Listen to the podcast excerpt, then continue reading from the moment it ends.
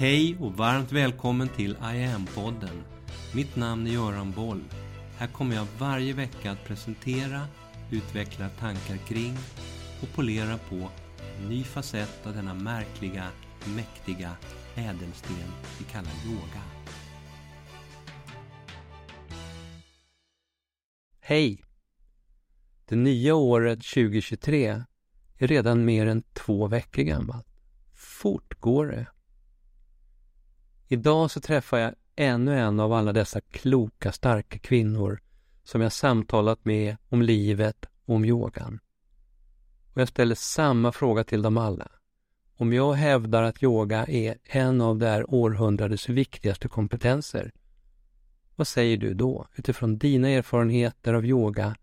Hur tänker, hur resonerar du?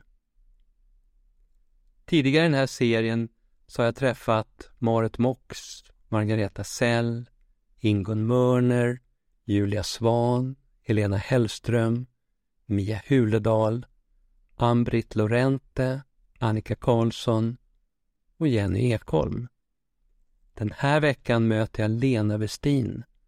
Hon var tidigt ute med att bidra till att implementera yoga i den svenska ätstörningsvården redan i början på 2010-talet.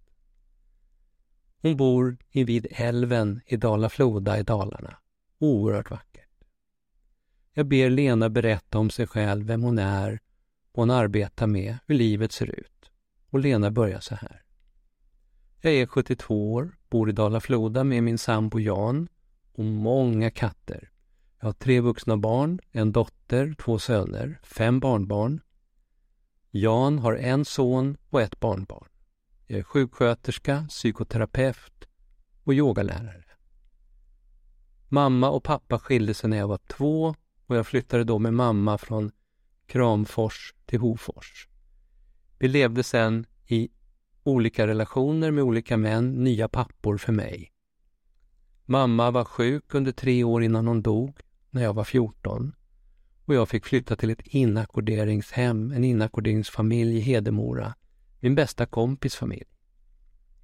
Jag fick stipendium och pluggade i USA ett år, flyttade till Stockholm, läste på universitetet, jag gifte mig när jag var 21, skilde mig, träffade barnens pappa, skilde mig igen 92, träffade Jan och vi har bott ihop sedan vi flyttade till Dalarna. Vi har arbetat ihop under många år och byggde bland annat tillsammans upp ett konsumentinstitut Kilen. Som skilsmässo och fosterbarn i Sverige på 50-talet så lärde jag mig att snabbt känna in omgivningens behov och känslolägen. Jag blev bra på att känna hur andra hade det, men sämre på att känna in hur jag själv mådde. Kanske som en följd av det så utvecklade jag bulimi i USA, som det tog tio år att bli frisk ifrån. I mitt arbetsliv så har jag haft både nytta av min förmåga att kunna känna in omgivningen och nytta av min ätstörningserfarenhet. Att veta hur det är att ha hemligheter, att bära på skuld och skam. Ibland tänker jag att mitt liv kunde ha gått fullständigt åt helvete. Jag kunde ha lyckats med mitt självmordsförsök, fastnat i missbruk, blivit psykiskt sjuk, men hela livet så har jag trots många svåra situationer alltid känt mig stark. Självkänslan har inte alltid varit så god men självförtroendet. Allt är möjligt. Det har varit bra. Under hela mitt liv så har jag arbetat vårdande och med olika former av förändringsarbete. Kanske kan jag säga att min uppgift har varit att organisera och skapa rum för vila och bara vara att det ska vara fint, att människor ska känna sig välkomnade. Jag har organiserat många konferenser både i Sverige och internationellt. Haft många järn i elden. När jag ser tillbaka på livet så blir det tydligt att jag har svårt att finna ro. Jag har tränat, sprungit mycket, utan att finna det där lugnet som jag har sökt. Yogan gav mig kontakt med något djupare. En stillhet där jag inte behöver jaga, där det räcker med att just bara vara. Jag behöver som så många andra arbeta med mitt ego, men samtidigt som jag blir glad när många vill komma till min verksamhet så dyker ibland stress och prestationskrav upp. Jag drabbas av de förväntningar som jag tror att deltagarna har på mig. Jag känner igen prestationskraven. Jag stannar upp, andas och bara är ett tag. När prestation och förväntningar får grepp om mig så tappar jag bort det som är min väg och min uppgift. Jag vill ju erbjuda närvaro, stunden. Och i verkligheten vara det som jag säger till deltagarna. Varmt välkommen till en stunds mellanrum. En stund när du kan komma hem till dig själv. Få möjlighet att lyssna inåt. Kanske göra din innersta längtan hörd. Eller bara känna din kropp och dina andetag en stund. Jan och jag flyttade till Dala-Floda för 15 år sedan. Jag flyttade hit och jag fick ett spännande uppdrag av Dalarnas landsting att bygga upp en ätstörningsklinik. Jag hade erfarenhet från en sån klinik i Stockholm och sedan länge intresserat mig för frågan. Så under tio års tid byggde jag upp och drev ätstörningskliniken Dala ABC i Falun. Och det var där som mitt intresse för yoga och kroppsterapier fick möjlighet att utvecklas. All personal på Dala ABC gick en instruktörsutbildning i medyoga som ett verktyg att kunna hantera egen stress och oro i arbetet med ångestdrivna oroliga patienter. Yogan infördes också i behandlingen som verktyg för att hantera ångest och ökad kroppsmedvetenhet, vilket uppskattades mycket av patienterna. Före Dala ABC så arbetade jag med en verksamhet som jag hade utvecklat tillsammans med Jan och andra. Kilen, Konsumentinstitutet, Läkemedel och hälsa. Det byggdes upp och verkade under 15 år. Vi arbetade med säkerhetsfrågor rörande läkemedel utifrån ett konsumentperspektiv för att hjälpa människor ur läkemedelsberoende av psykofarmaka och att arbeta med brist på kunskap, kompetens och gott bemötande inom vården. Med tiden kom Kilen att arbeta mer med uppbyggnad av kunskap utifrån patientperspektivet. Med att samla erfarenheter och kunskap från patienterna i en databas. Kunskaper som användes i olika utbildningar och i opinionsbildning både i Sverige och internationellt. Vi samarbetade med WHO, olika NGOs och ett internationellt nätverk rörande Safety of Medicine bildades. Läkemedelsindustrin och svenska myndigheter började agera för att stoppa arbetet och lyckades i samband med valet 2006 att sätta stopp för Kilen. Den nya borgerliga regeringen administrerade en avveckling av Kilen efter att vi hade haft statligt stöd i sex år. Sorgen efter det tog hårt, även personligen. 15 års intensivt utvecklingsarbete och möte med tusentals personer som drabbas av biverkningar och dåligt bemötande i vården hade satt djupa spår i oss. Det kändes som ett svek mot alla drabbade att vi tvingades lägga ner då vi inte längre fick några anslag. Vi tvingades in i en smärtsam konkurs. Varken ett stort, både inhemskt och internationellt erkännande och stöd kunde stoppa nedläggningen. Finns det någonting att säga om din hälsa långsiktigt, undrar jag. Lena ler. Jag känner mig frisk och jag mår bra. Visserligen har jag mina skavanker, hallux valgus till exempel, som jag ska operera framöver. Har inte lyckats avhjälpa den med yoga. Jag känner mig stark när yogan är en del av mitt liv. När jag yogar och mediterar så kan jag följa med i min ålder. Min kropp är van vid yoga och rörelser och om jag någon gång gör ett uppehåll så känns det. Jag vet att jag kan påverka min hälsa långsiktigt genom att både erbjuda andra och mig själv yoga och meditation. Så, när kom du i kontakt med yoga i ditt liv undrar jag? Hur såg det ut? Lena säger Jag har alltid varit en sportig typ, sprungit mycket både själv och olika motionslopp. Märkte tidigt att jag mådde bättre av att motionera. jag var ganska hård mot mig själv, tog i mycket, det skulle kännas. Hade jag träningsverk, mycket träningsverk, så var det extra bra. Första gången jag kom i kontakt med yogan så blev jag mest frustrerad. Kunde inte koncentrera mig, fick, fick helt enkelt spring i benen. Kände att yoga inte var något för mig. Långt senare när vi hade köpt huset i Dala-Floda så arrangerade Lena Warberg tillsammans med sin kusin Anki Warberg en sommarvecka med yoga i hagen. Det var härligt och jag fortsatte göra en del yoga på egen hand. Kunde öppna mig för ett annat sätt att vara med yogan.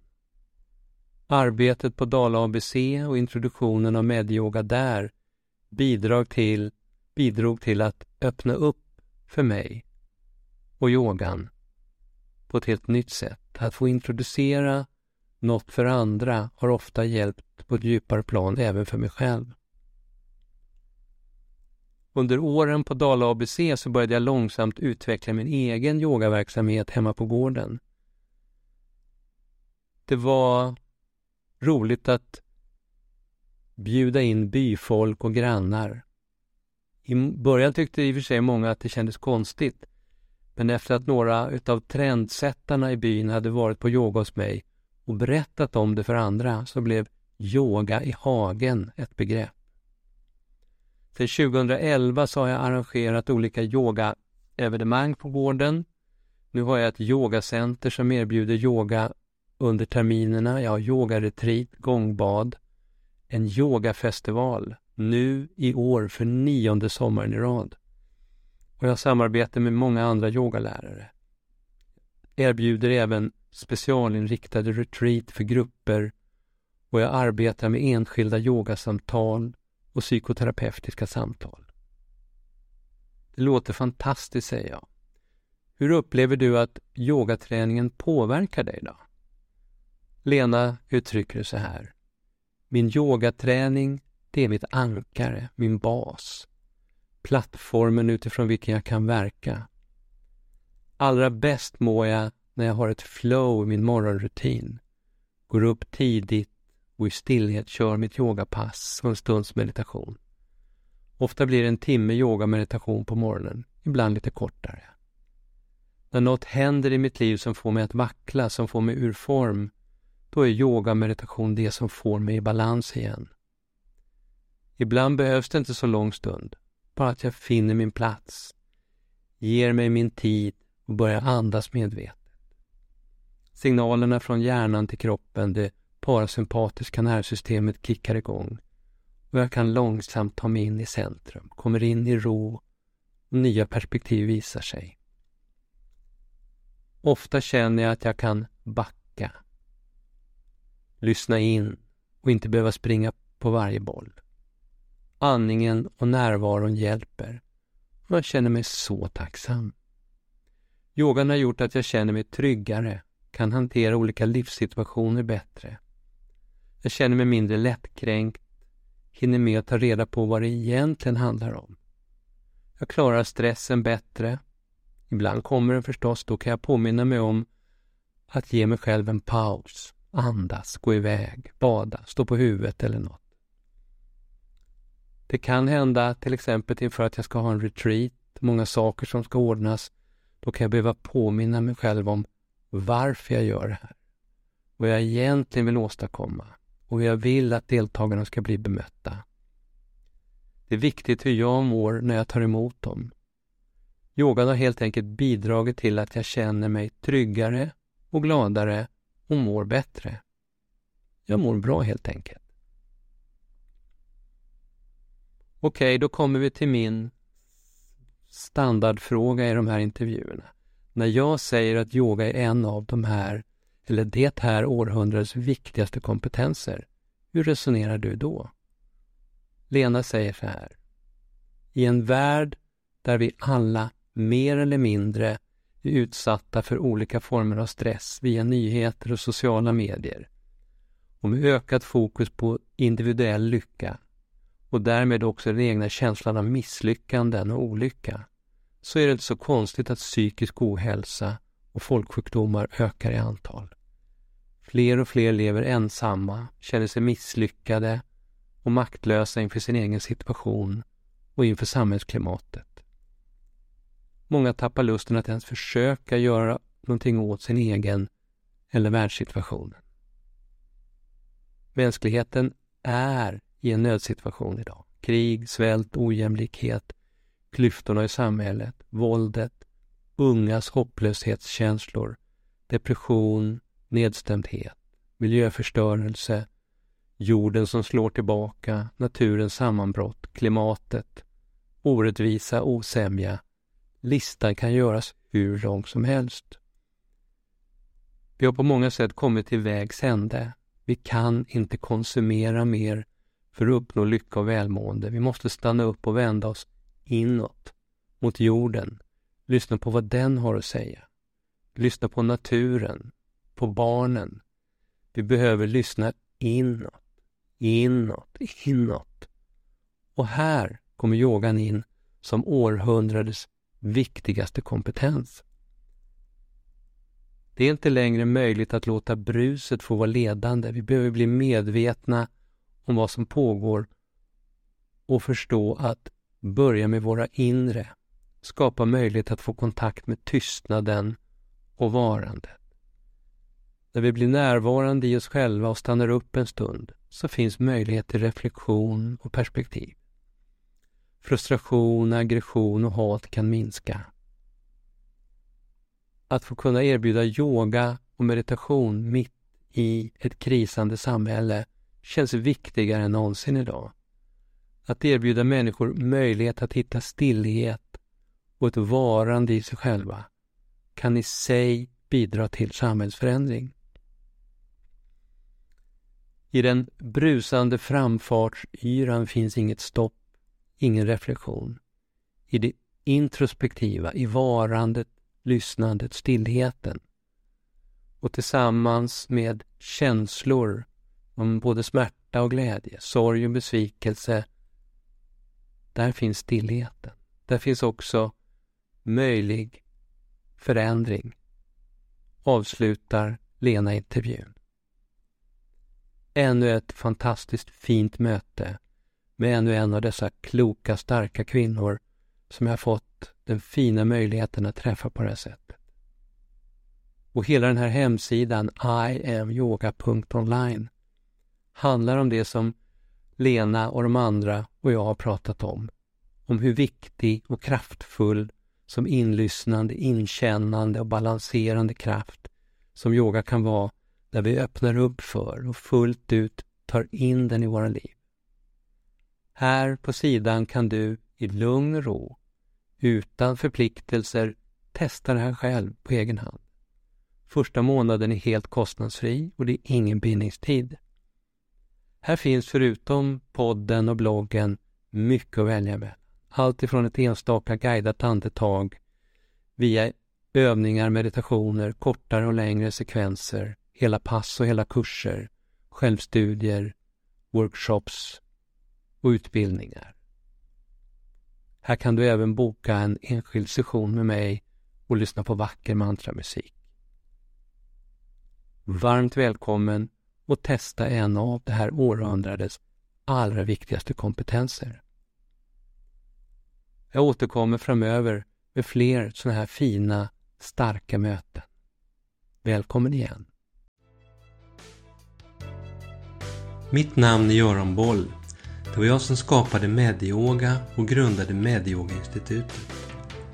Sedan 90-talet och framåt har jag introducerat yoga i näringslivet, in i svensk forskning och in i den svenska hälso och sjukvården där Sverige idag är världsledande på yoga direkt för patienter.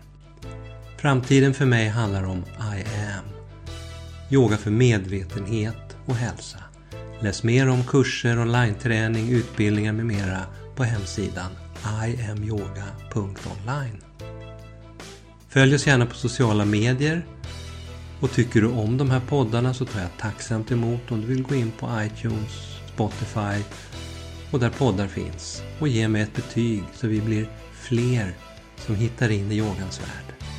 Tack för att du lyssnar och delar.